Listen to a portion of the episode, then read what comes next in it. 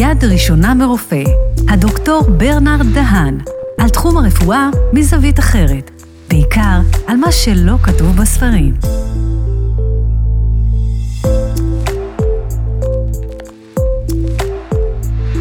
שלום לכם, ברוכים הבאים לפודקאסט יד ראשונה מרופא. שמי דוקטור ברנרד דהן, רופא שיניים, מומחה ברפואת חניכיים, מייסד ומנהל מרפאת מומחים מוריה בחיפה ובפריוטים. אני מציין דוקטור ולא מנטור, כי אין אדם אשר יעיד על עצמו כמנטור, אלא אחרים יעשו זאת. בפודקאסט הזה אני אדבר מעט על תחום הרפואה, אבל בעיקר על מה שלא כתוב בספרים ולא נאמר על ספסלי האוניברסיטה. אני אעסוק בהיבטים שונים ותקשורתיים מהזוויות הניהוליות, בעיקר, למשל רושם ראשוני, בניית צוות, שיווק, מיתוג, מוניטין, התמודדות עם כישלונות ועוד ועוד. אני אשוחח עם מומחים רבים ושונים, תוך כדי התמקדות בשלושה דברים מובילים אותי בחיים בכלל ובעשייה מקצועית בפחת. תקשורת בין אישית, השאיפה למצוינות, התשוקה לחדשנות והנאה בעשייה. אתם יכולים להאזין לנו במגוון פלטפורמות שונות, באפליקציה, באתר, בספוטיפיי, באפל פודקאסט ובגוגל פודקאסט של רדיוס 100 FM. והיום נדבר על תקשורת. כי הכל תקשורת בחיים. העולם בו אנחנו חיים מתנהל ומתקדם בזכות קשר בין האנשים שפועלים ביחד ובמשותף. חיינו הפרטיים והמקצועיים מבוססים על תקשורת, וככל שתהיה מוצלחת, כך ייראו החיים. האם ידעתם כי 80% מהמסרים שאנו קולטים הינם לא מילולים, כלומר לא ישירים, כאשר 20% בלבד מהמסרים הם מהמילה, מהתוכן. מהו כוחו של חיוך? שהוא דרכו לתקשורת חיובית. מדוע כה חשוב המבט? כי העיניים מדברות לפני הכל. האם הגלימה עושה את הכומר? מהו בעצם מיקומו של הלבוש וההופעה הנאותה? ונושאים אחרים כמו שפת הגוף כביטוי הנפש, המגע והטריטוריה הפרטית של כל אחד מאיתנו, טון וקצב הדיבור, לעתים חשובים יותר מאשר המילים עצמן. כל הפרטים הקטנים האלה הם אלה שמשתתפים בבניית התדמית ומכאן בניית המוניטין. האם ידעתם שבשישים שניות הראשונות, במגע בין שני אנשים, מיליארדי מסרים משתחררים, נאבדים, ובמהרה רבה, עד כדי כך שלפעמים המוח אה, עושה את זה בצורה אוטומטית מבלי שהוא מבין מה קורה? מסרים אלה הם חלק מבניית התדמית. והיום בחרתי לראיין מומחה בתחום התקשורת, מר ברי כץ, שנמצא כרגע בחו"ל, ואני מודה לו על כך שהוא הסכים להתראיין. ברי הוא מומחה בתקשורת אפקטיבית, מרצה בינלאומי ומעביר סדנאות בכל העולם מזה 25 שנה. המוטו שלו הוא הכל בזכות ההון האנושי, כלומר, סדר עדיפות לאנשים. הסדנאות שהוא מקיים מתמקדות בשיפור מיומנות בהרצאות, בפרזנטציות ובמנהיגות. ברי משתף פעולה עם חברות רבות כמו IBM, מייקרוסופט, גוגל, ווייז, צ'ק פוינט, טבע ואחרות, והנוסחת קסם שלו היא תקשורת מובילה ליחסים קרובים, ובכך לתוצאות אפקטיביות. בוקר טוב, אה, ברי, מה שלומך? בוקר טוב ברנרד, מה שלומך? לא הכרנו, אבל אני אה, מכיר אותך מהשם שלך ומהמוניטין שלך בתחום התקשורת. ויש לי כמה שאלות, כי זה תחום שמאוד מרתק אותי. קודם כל, השאלה הראשונה, מה היא עבורך תקשורת, אם היית צריך להגדיר את זה בשניים שלושה משפטים? ברנרד, בצורה הכי בסיסית ופשוטה, תקשורת זה תהליך שמייצר הבנה משותפת. זה כשהכוונה של מי שמדבר שווה לפרשנות של מי שמקשיב. רק אז אפשר לקרוא לזה תקשורת. יש, יש הרבה אי הבנות סביב תקשורת. בדיוק. ו... אז בוא, בוא, בוא נשמע ממך איך פועלת הדינמיקה, דינמיקת התקשורת, איך זה פועל? אה, יש הרבה מורכבות בתקשורת בין אנשים. יש את מי שמעביר את המסר, ויש את מי שקולט את המסר, והמורכבות זה בדיוק מה שאמרת, שהמסר מורכב לא רק בבחירה שלי במילים, התקשורת המילולית, אבל גם מהתקשורת הבלתי מילולית, הסאבטקסט, שפת גוף, הבעות פנים, דיברת על חיוך, קשר עין, הטון דיבור. תקשורת בלתי מילולית כוללת גם את הלבוש, בחירת המקום והזמן, מי עוד נמצא בחדר. תוסיף לזה הבדלים בתרבות, פערים בידע, גיל, מגדר, מצבי רוח. אנחנו הולכים לדבר על זה בהרחבה, אבל טוב שאתה מזכיר את זה, התקשורת מילולית ולא מילולית, זו שהיא מוסתרת כן. והיא אה, יוצאת על פני השטח לאחר מכן. אה, אה, שאלה, למי יש אחריות גדולה יותר בתקשורת? מי שיוזם או מי שמקבל את המסר? שני הצדדים שותפים לאחריות, מה, מהסיבה הפשוטה שאם אין נכונות ופתיחות של שני הצדדים להיכנס לדיאלוג, אי אפשר לקיים תקשורת. בסדנאות שלי אני מבקש ממי שמשדר או יוזם את התקשורת לקחת אחריות על המסר שלהם. המשפט, אתה לא הבנת אותי, הוא לא מדויק. אם אתה לא הבנת, אם אתה הבנת משהו אחר ממה שאמרתי, סימן שלא הסברת. זה בגלל שאני לא הייתי מספיק ברור. כן, ברור. האם יש מושג שהוא נקרא, שומעים הרבה פעמים בפה של אנשים, תקשורת בריאה, תקשורת לא בריאה, מה, מה, יש תקשורת בריאה או לא בריאה, או סך הכל יש תקשורת? יש הרבה סוגים של תקשורת, יש תקשורת בריאה ותקשורת לא בריאה, יש תקשורת אלימה ותקשורת מקרבת, אפקטיבית, בלתי אפקטיבית. בכל מערכת יחסים, בבית או בעבודה, הבסיס הוא תקשורת בריאה, מקרבת ואפקטיבית. כלומר... בלי תקשורת אי אפשר לנהל שום מערכת יחסים. כלומר, היית קורא לזה תקשורת חיובית? הייתי קורא לזה תקשורת אפקטיבית. אפקטיבית. תקשורת אפקטיבית היא גם תקשורת שהיא אה, חיובית. שהיא בונה. אבל אתה יודע, ברנרד, כן. באף קשר אין מאה אחוז הצלחה בתקשורת. ברור, ברור, ברור. אף אחד לא יכול להקשיב מאה אחוז, מאה אחוז מהזמן. מכיוון שמדובר באינטראקציה ודינמיקה, ולא תמיד זה הולך אה, כמו קו ישר. שאלה נוספת, נכון. האם ניתן לתקן או לשפר אה, אה, מושגים של תקשורת או דרכים לתקשורת לאנשים מסוימים שלא יודעים לתקשר? יש דבר כזה? לתקן, אתה מסוגל בסדנאות שלך להביא לאנשים לתקשר בצורה אחרת? אני אומר שתקשורת זה כמו שריר. ברנרד, כל אחד יכול לתמן ולשפר את התקשורת שלנו. אתה דיברת על מצוינות, מה זה מצוינות אם לא השיפור המתמיד והלמידה המתמשכת? אפשר וצריך לתקן. אני אימנתי הרבה אנשים עם פחד במה, שנמנעו מכל הזדמנות לדבר מול קהל, זה פגע בקריירה שלהם, עבדנו ביחד, התאמנו, הם למדו להתגבר לפחד ולעמוד מול קהל באופן מרשים, בטוח ומקצועי. יופי. ממש כמו בחדר כושר. ויש לי שאלה, אנחנו עדים הרבה פעמים בתופעות uh, תקשורת, uh, אני הייתי קורא לזה תקשורת הרעה, כאשר אנשים מתלהמים, uh, אחד אומר משהו, השני עוד משהו, אנחנו קוראים לזה בשפה התקשורתית, בטח יודע יותר טוב ממני, הקרשנדו, העליית גל, עליית מדרגה, איך אתה יכול לעצור את זה? יש לך כלים, או יש, יש לנו כלים בידיים כדי לעצור את התקשורת לפעמים כשהיא גולשת, כשהיא מתפרצת? אני חושב שזה מתחיל במודעות עצמית ונכונות לקחת אחריות, זה הבסיס.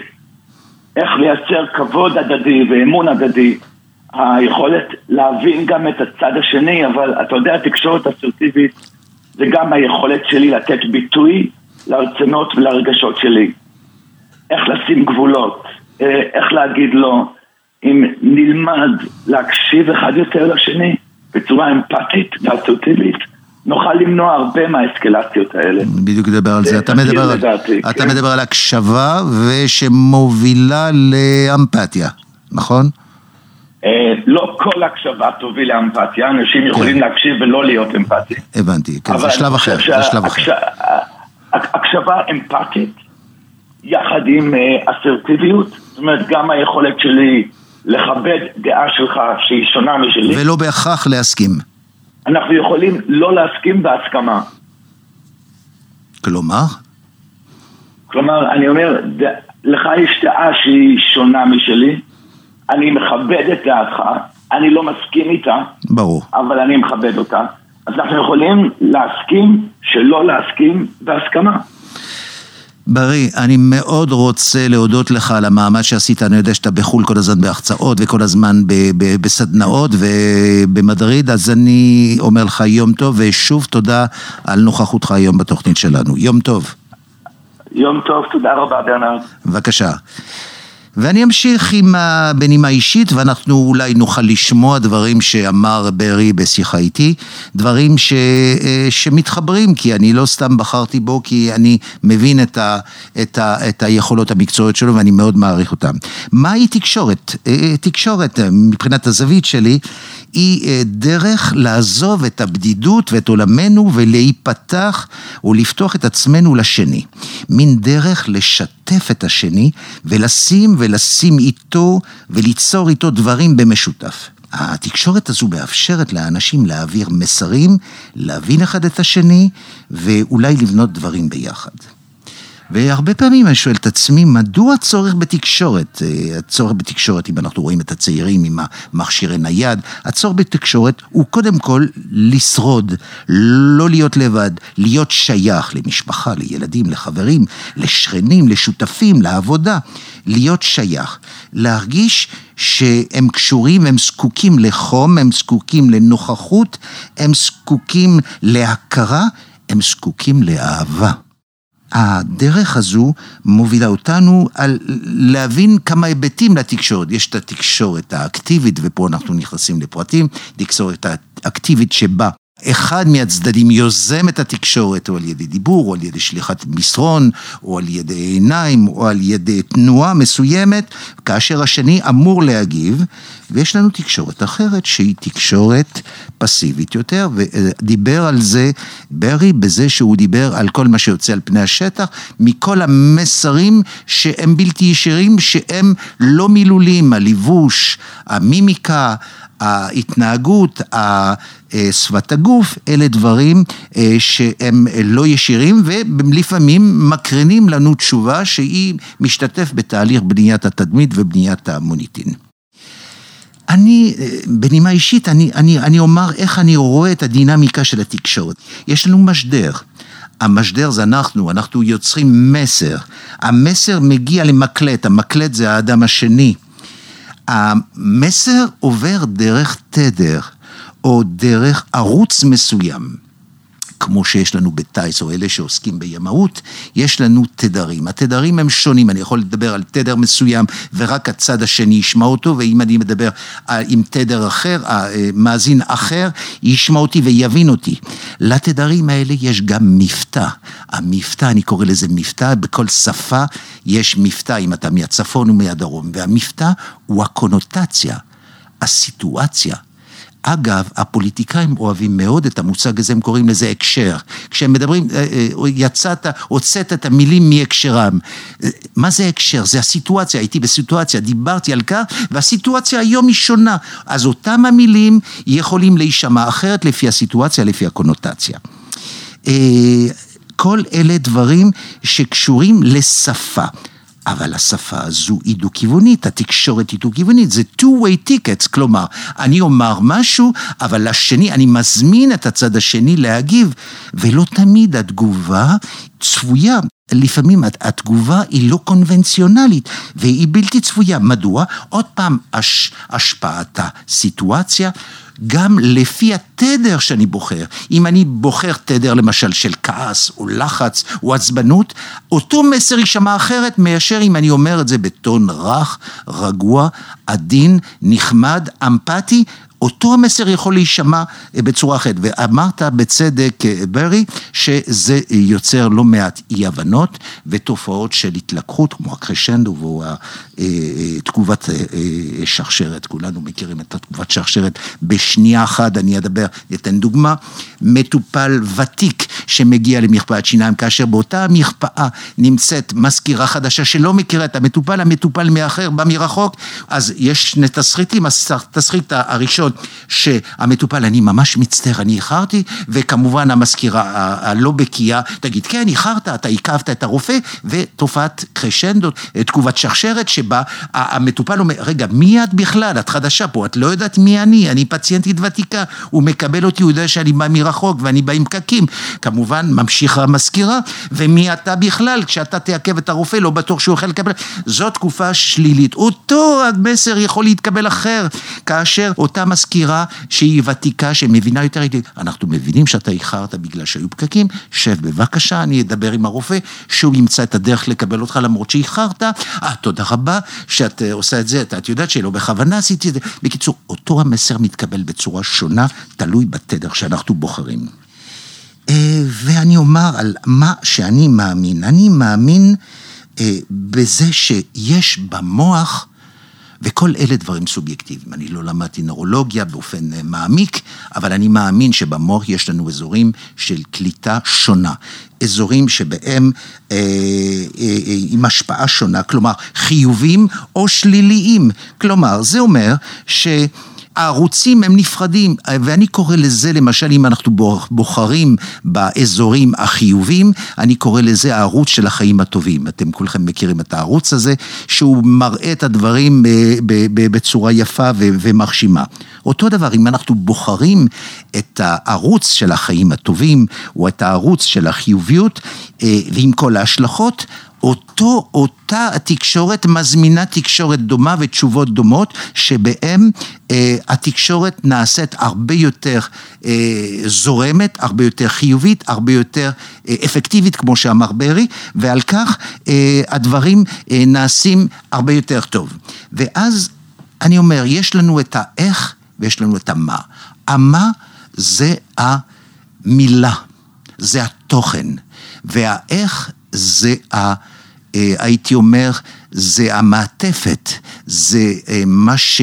אה, מה התאפורה, כמו שאמר ברי. זאת אומרת, אותו מה יכול להשתמע בצורה שונה לפי האיך, איך אנחנו מלבישים אותו.